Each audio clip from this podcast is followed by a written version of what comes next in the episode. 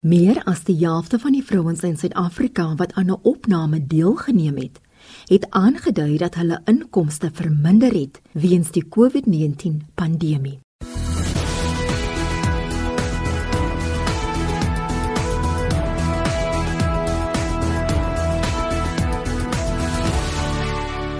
Dis Ranten Sint, RSG 100 tot 104 FM met my Olivia Sambu. Baie welkom by die eerste program van die nuwe maand en die nuwe seisoen. In vandag se program gesels ons oor die impak wat die pandemie op vrouens se inkomste gehad het en ons vind ook uit hoe COVID-19 beleggers se besluite geraak het. Ibet van Heerden is die hoof van kleinhandelbesigheid by Schroders Suid-Afrika, 'n internasionale beleggingsmaatskappy. Hulle het navorsing gedoen om uit te vind watter faktore die besluite van beleggers beïnvloed. Schroders Global Investor Study is iets wat ons doen elke jaar en ons doen dit in 32 verskillende lande reg oor die wêreld en ons bereik 23000 beleggers rondom die wêreld om hulle insigte te kry en hulle ondervinding met ons te kan deel oor hoe hulle die mark sien, hoe hulle hulle finansies sien en ek dink wat veral belangrik was in die laaste een van 2021 te verstaan hoe beleggers die impak van die pandemie ervaar. 51% van Suid-Afrikaanse vrouens wat ons genader het in die studie het vir ons gesê dat hulle inkomste het verminder as gevolg van die pandemie terwyl daai nommer vir mans is 40%. Ek is nie 'n nommersmens per se nie, maar ek dink as jy gaan dink wat dit beteken vir elke man op die straat is dat die helfte van die vrouens met wie ons gepraat het, het vir ons gesê hulle inkomste het verminder. En die helfte van die vrouens met wie ons gepraat het, het gesê hulle kan meer spaar in die toekoms. En dis as gevolg van die pandemie. So dit wys vir ons dat vrouens is meer harder geïmpakteer deur die effek van COVID-19 wat ons gesien het oor die laaste jaar. Die syfers het ook 'n kommerwekkende prentjie geskilder oor vrouens se gereedheid vir aftrede. Ons het ook vir mense gevra in die vraagstuk: As jy geweet het wat 2020 sou bring, sou jy jou aftrede eers later geskuif het. Met ander woorde, sê nou maar jy het beplan om af te tree op ouderdom 55, sou jy dit dan nou aanskuif na ouderdom 60 of 65? Dit is baie moeilik vir mense om so ver in die toekoms te dink, maar jy weet op hierdie vraag spesifiek het 54% van vrouens vir ons gesê ja, verseker. Daai nommer vir mans is 30%. En wat dit vir ons sê is dat vrouens spesifiek is nie seker. Hulle het nie die vertroue dat hulle of besig is om genoeg te spaar of dat hulle al reeds genoeg gespaar het vir aftrede nie. Wat vir my nog meer kommerwekkend is 31% om presies te wees van vrouens wat in die studie deelgeneem het, het nog glad nie begin spaar vir aftrede nie. En daai nommer vir mans is 13%. En dan natuurlik, ek dink daar's 75% van vrouens wat gesê het hulle wens hulle het alreeds meer gespaar. 'n Opvolgvraag wat ons daarop gevra het is as hulle kan, sal hulle nou hulle aftrede of hulle bydraes tot hulle aftreefonds vermeerder? En 30% van vrouens het gesê ja. Daar's bietjie goeie nuus daarin in die sin van ek dink dit is 'n groeiende bewustwording onder vrouens dat aftrede is hulle sin om te beplan. Die praktiese realiteit daarvan natuurlik is 'n meer komplekse scenario om op te los. Jy weet ek dink net die feit dat 30% van vrouens sê hulle het nog nie begin spaar nie, wys vir my na 'n ander paar sosiale realiteite wat ons ken in Suid-Afrika, maar dis nie uniek aan Suid-Afrika nie. Is oor die algemeen word mans meer betaal as vrouens, so hulle het dalk net eenvoudig meer geld om te spaar. Maar as jy die helfte van jou inkomste verloor het, waar begin jy om te spaar? Want jy het nou minder geld tot jou beskikking. As jy regtig prakties wil wees, as jy 'n vrou is wat vandag vir jouself vra, waar begin jy spaar? Ek sê altyd vir mense, dis daai gesegde van die klein jakkalsie wat die vingers opvreet. Kom ons begin soek by die klein jakkalsies. As daar 'n klein jakkals is. Nou wat is 'n klein jakkals? 'n Klein jakkals kan miskien 'n tweede selfoonkontrak wees wat jy nie nodig het nie. Of as jy daai kontrak kanselleer en jy eenvoudig vermeerder jou huidige kontrak, dan kan jy miskien 10 of 20% spaar daar. Dis 'n klein jakkalsie. 'n Klein jakkalsie is ook iemand wat 'n lidmaatskap by 'n gimnasium uitgeneem het en deur die laaste pandemie, ons weet almal wat het gebeur met gimnasiums, Sy betaal jy nog steeds jou lidmaatskap. Is jy van plan om terug te gaan na daardie stelle gimnasium toe of gaan jy soos so baie ander mense nou, gaan jy dit eerder aanlyn doen of miskien is dit 'n manier om jou aanlyn oefen kontrak te ruil is dalk goedkoper as die gimnasium se. Dis wat ek bedoel met klein jagvalsies om daar te begin en te sê, okay, waar is dit wat ek kan sny? En dan so baie mense met wie ons praat in die mark waarvan my finansiële adviseurs sê dieselfde is dat so baie mense begin net nie spaar nie want hulle dink hulle het nie genoeg geld om te spaar nie. En ek dink as jy regtig nie genoeg geld het om oor daai eerste minimum bedrag te kom nie, dan vat al daai klein bietjie wat jy gespaar het tot jy genoeg het. En dan as dit jou nog 6 maande vat om weer by te sit, fantasties, maar immers het jy begin. Wat jy ook al het, begin vandag. Begin net vandag. Dit is nooit te min nie. Oor 30 jaar van nou af kan ek vir jou 'n belofte maak. Ek gaan sê jy wens jy het nog 5 jaar vroeër begin. Baie keer glo ons dat ons meer moet verdien om te kan spaar of dat net ryk mense genoeg geld het om te spaar. Nie een van daai twee stellings is waar nie. So baie keer hoor mense gesegde dit wanneer ons met mense praat oor begrotings, is daar hierdie gesegde dit sê betaal jouself eerste. Nou betaal jouself eerste is presies dit. Spaar vir jou toekoms. Spaar vir jou welstand in die toekoms, spaar vir jou aftrede. Deel van betaal jouself eerste, dink ek, sluit goed in soos 'n mediese fonds of lewensversekering vir jou familie. Dit kom in by betaal jouself eerste. Wanneer jy begin met jou begroting, begin by die ideale situasie. So die ideale situasie is miskien dat 20% van wat jy verdien en hierdie is net 'n nommer. Almal se finansiële beplanning en finansiële plan en finansies lyk like anders. Maar kom ons sê jou ideale situasie is dat 20% van wat jy ook al verdien is om jouself eers te betaal. Dit gaan na 'n noodfonds toe, dit gaan miskien na jou aftredefonds toe, hoe dit ook al lyk like vir jouself. En dan werk jy met dit wat oor is. As jy daai uit jou begroting uitgehaal het, en dan werk jy met die 80% wat oor is om om te sien na jouself, om te sien na jou familie, wat dit ook al is wat in jou begroting moet wees. As dit kan uitwerk, dan werk dit. Jou finansiële storie, net soos jou lewe, is uniek. Jy kan nie jouself met ander mense vergelyk nie, want elkeen se behoeftes is anders. Die moeilikste deel om na jou finansies te kyk en om na die realiteit van jou finansies te kyk, Olivia vir my altyd is om na jou eie storie te kyk. Is om te begin om te sê, hierdie is die goed wat ek het, hierdie is die goed wat ek nie het nie. Hierdie is goed wat ek weet, hierdie is goed wat ek nie weet nie. En dan ook om te sê, maar hierdie is die goed wat ek wil hê. Want ek dink een van die foute wat mense maak met begrotings is dat jy hierdie sterk dissipline met jou begroting en dan ewe skielik is daai skoene wat jy nog altyd wou gehad het op uitverkope.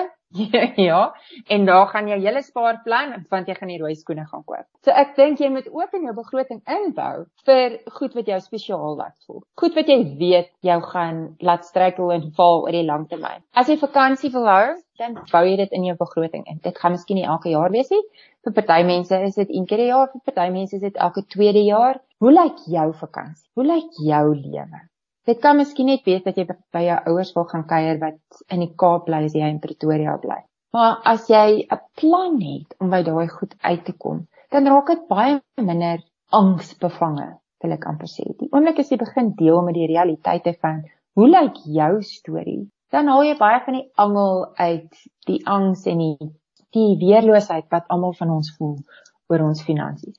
Al het jy 'n suksesvolle loopbaan, en maak 'n buitengewone goeie inkomste. Beteken dit nie noodwendig dat jy die nodige kennis het om die regte finansiële besluite te neem nie. En dis raadsaam om professionele advies in te win om jou te help om 'n stabiele finansiële toekoms te bou. Daar's baie mense wat baie goed geleerd is in sekere vakgebiede wat nie noodwendig hulle finansies insluit nie. Ek dink as ons praat oor vrouens veral, my advies is altyd wat ook al jou voorbeeld was. Wie jy ook al na gekyk het om te dink iemand anders gaan hierdie probleem vir jou oplos. En dis nie noodwendig altyd 'n probleem nie, reg? Maar iemand anders gaan hierdie prentjie vir jou duidelik maak en vir jou 'n plan in plek sit. Hoe jy ook al daarbey uitgekom het, maak nie saak nie. Jy moet besef jou finansiële toekoms is in jou hande. As jy getroud is, doen jou finansiële finansiële beplanning saam met jou man of jou vrou sodat albei van julle bewus is van wat die finansiële implikasie van julle toekoms vir al julle finansiële toekoms op julle familie kan wees. As jy nie is nie, is my antwoord glad nie anders nie. Jy bly verantwoordelik. As jy nog nie daarna gekyk het nie, as jy wil wegkyk daarvan, as jy voel o, gats nee, hierdie is eenvoudig net te veel vir my, vergewe jouself. Wys 'n bietjie van al daai liefde en aandag wat jy uitdeel vir al die mense rondom jou vir jouself. Vergewe jouself en besef dat hierdie is niemand anders se nie. Ons maak almal foute. Dis nie noodwendig 'n fout nie. Dit hang af van wat jou situasie is en begin vandag. Jou finansiële toekoms behoort aan jou. Dan is daar soveel inligting beskikbaar. Ek dink partykeer te veel vir baie mense, so hulle vind dit oorweldigend en dan doen hulle eerder niks nie. So wees selektief. Gee jouself die basiese finansiële kundigheid wat jy dink jy nodig het om te verstaan dat jy hulp nodig het. En dit wil ek amper sê is vandag nommer 1. En dan is my tweede stukkie raad vir mense altyd moet dit nie alleen doen nie. Onthou, hierdie hoef jy nie alleen te doen nie. Daar is professionele onafhanklike kundige finansiële adviseurs en beplanners in die mark wat jou kan help hiermee. Wat graag jou deur mekaar warboel, amper sê jou jou misverstand, jou verwarring, jou fantastiese finansies as dit is, wil vat en vir jou wil sin maak daarvan. Finansies is soos wat ek vroeër gesê het, 'n geweldige emosionele deel van hulle mens wees. So dit maak nie saak hoeveel ek wil sê rasionele kennis jy het op ander vlakke nie. Daar is miskien hierdie een ding wat vir jou nie gemaklik is om na te kyk nie. Dit bly altyd jou verantwoordelikheid. Vergewe jouself daarvoor, kry hulp en maak 'n plan. So gesels Ibet van Herden van Schrouders, Suid-Afrika. Die syfers toon dat meer as 'n miljoen vrouens hulle werke verloor het of nie werk toe kon gaan nie weens die inperkings.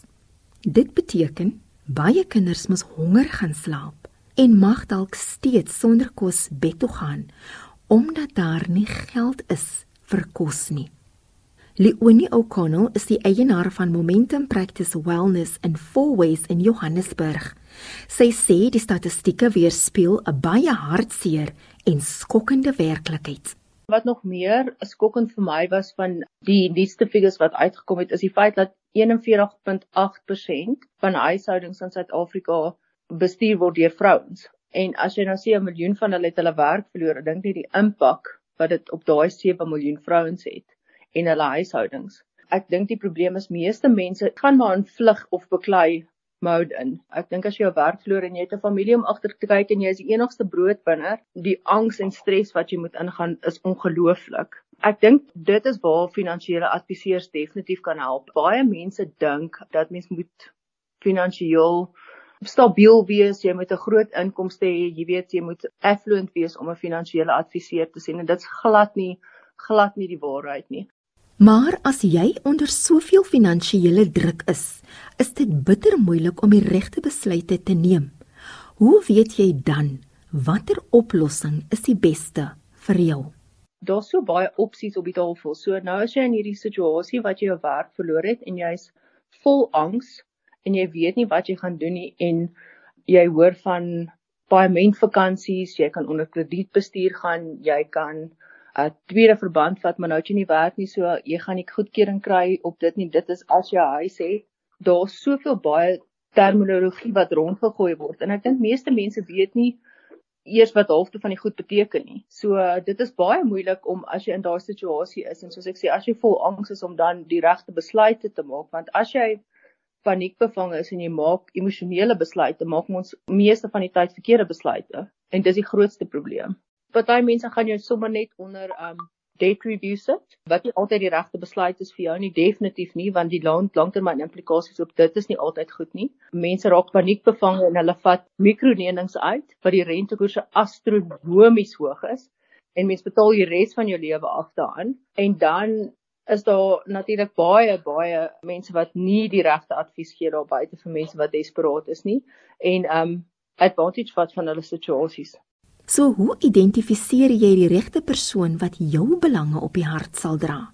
Ek dink 'n baie goeie uitgangspunt is om op 'n verwysing te werk. So as jy iemand het wat 'n bestaande finansiële adviseur het wat jy weet hulle mee werk en wat hulle gelukkig mee is of om dan 'n praktyk te kontak soos um Momentum Financial Wellness Practice wat jy weet is geaffilieer aan Momentum byvoorbeeld of 'n groot versekeraar wat die adviseurs opgelei is om die regte advies te gee om volledige finansiële analise te doen op die kliënte wat jy weet hulle dra regtig die kliënte se welstand op hulle hart. Maar as jy jou werk verloor het en jy het geen inkomste nie, moet jy soms skuld maak net om kos op die tafel te sit. Hoe voorkom jy dan dat jy nie onnodige skuld aangaan wat jou net verder in die moeilikheid sal bring nie? Dit is belangrik as 'n adviseur na jou finansies kyk want as jy skuld gaan maak om skuld te betaal, is dit al klaar 'n groot probleem. Want meeste krediteure sal as hulle weet jy is werkloos, daar's baie versekeringsplanne in plek met paemente wat vir jou versekering gee werkloosheidsversekering op jou premies alreeds. So as jy gaan skuld maak om jou skuld af te betaal, jy weet jy kan met jou skuldeisers praat oor paementvakansies of om die rentekoerse te verlaag. So, dis nooit 'n goeie idee om skuld te maak om skuld af te betaal nie, want meeste krediteure sal negotiate in die omstandighede wat hulle weet jy het jou werk verloor. As jy moet skuld maak om van dag tot dag te lewe, is daar opsies wat jy na kan kyk afhangende van wat jou situasie is. Soos wat ek gesê het, 'n tweede verband byvoorbeeld op jou eiendom as jy eiendom het, baie beter want die rentekoerse is baie laer as om te gaan kyk na mense wat mikrogeld leen want die rentekoers is ongelooflik hoog op dit. Ja, so mense wil nie noodwendig gaan skuld maak omdat jy pas weer eens paniekbevange is en omdat jy voel jy wil nie agterraak op jou paemente of daai tipe van goed. Die meeste mense sal met jou praat oor jou paemente en rentekoerse afbring daai tipe van ding. En die ander ander kant van daai spektrum is as jy so diep in die moeilikheid is dat jy desperaat is vir skuld. So jy het gegaan en jy kan nie skuld kry by mense met lae rentekoers by credible institutions nie. Dat jy gaan na soos wat ek sê microlenders toe daai tipe van goed wat jy dan skuld aangaan. Jy's te bly met te kry. So jy gee nie om as jy 28% betaal of wat ook al die geval mag wees nie want jy's net so desperaat. So ons lees nooit die fynskrif nie dis 'n feit. Soos wat ons nou praat om skuld aan te gaan, is baie keer beter en dis hoekom ek sê weer eens altyd terug na 'n goeie finansiële adviseur toe. Want as jy afgedank is, het jy dalk 'n afdank pakket gekry wat jy kan gebruik of jy dalk een of ander pensioenfonds gehad in die maatskappy. So dit is nooit 'n goeie idee om jou pensioenfonds te gebruik om van af te lewe nie, maar as jy geen ander opsie het nie en jy moet in skuld ingaan, dan is dit dalk beter om te kyk of jy van daai geld toelating kan kry tot van daai geld eerder as om nog meer skuld te maak om van te lewe. Hoe realisties is dit om iemand aan te moedig om te spaar as hulle nie eens weet waar môre se brood vandaan gaan kom nie? So dit is 'n baie goeie vraag. Suid-Afrikaners oor die algemeen sukkel om te spaar. En ek dink is omdat ons meeste van ons inkomste betaal aan skuld. Ons betaal aan kredietskuld, staatskuld, huiskuld, klere rekeninge skuld. So ons het net nie beskikbare kontant om te spaar nie. So die beste manier om te probeer om te spaar, ek sal twee aanbevelings gemaak. Die een is om te probeer om jou skuld af te betaal. So om te gaan kyk wat is die hoogste rentekoerse en daai so vinnig as moontlik te begin afbetaal. As daai afbetaal is, die kontante vat en dan die res van jou skuld af te begin betaal. Dis definitief een opsie. As jy vandag begin en jy's gedissiplineerd en jy maak klein opofferings. Byvoorbeeld as jy weet jy eet 4 keer 'n maand uit en is R1000 en jy besluit om nou net 2 keer 'n maand uit te eet en dan spaar jy R500.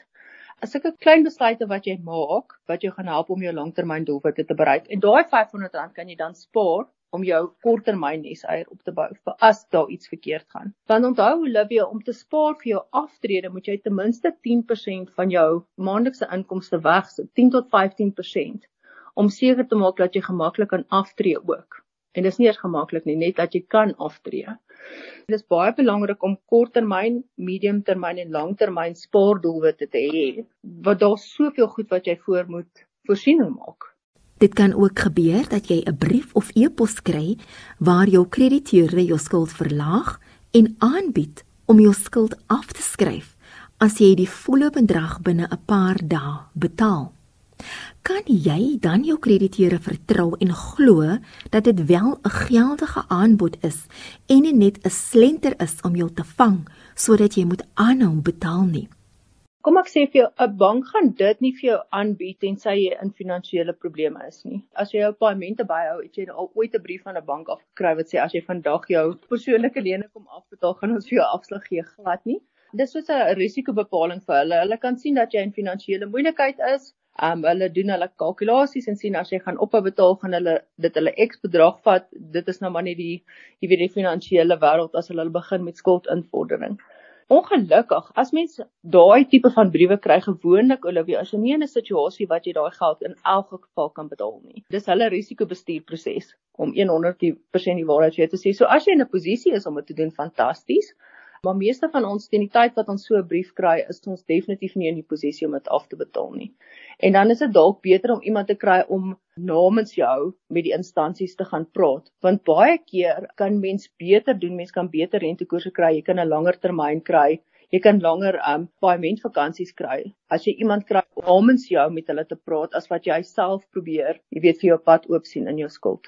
So, wat doen jy as jy reeds in 'n moeilikheid is en jy weet nie watter kant toe nie?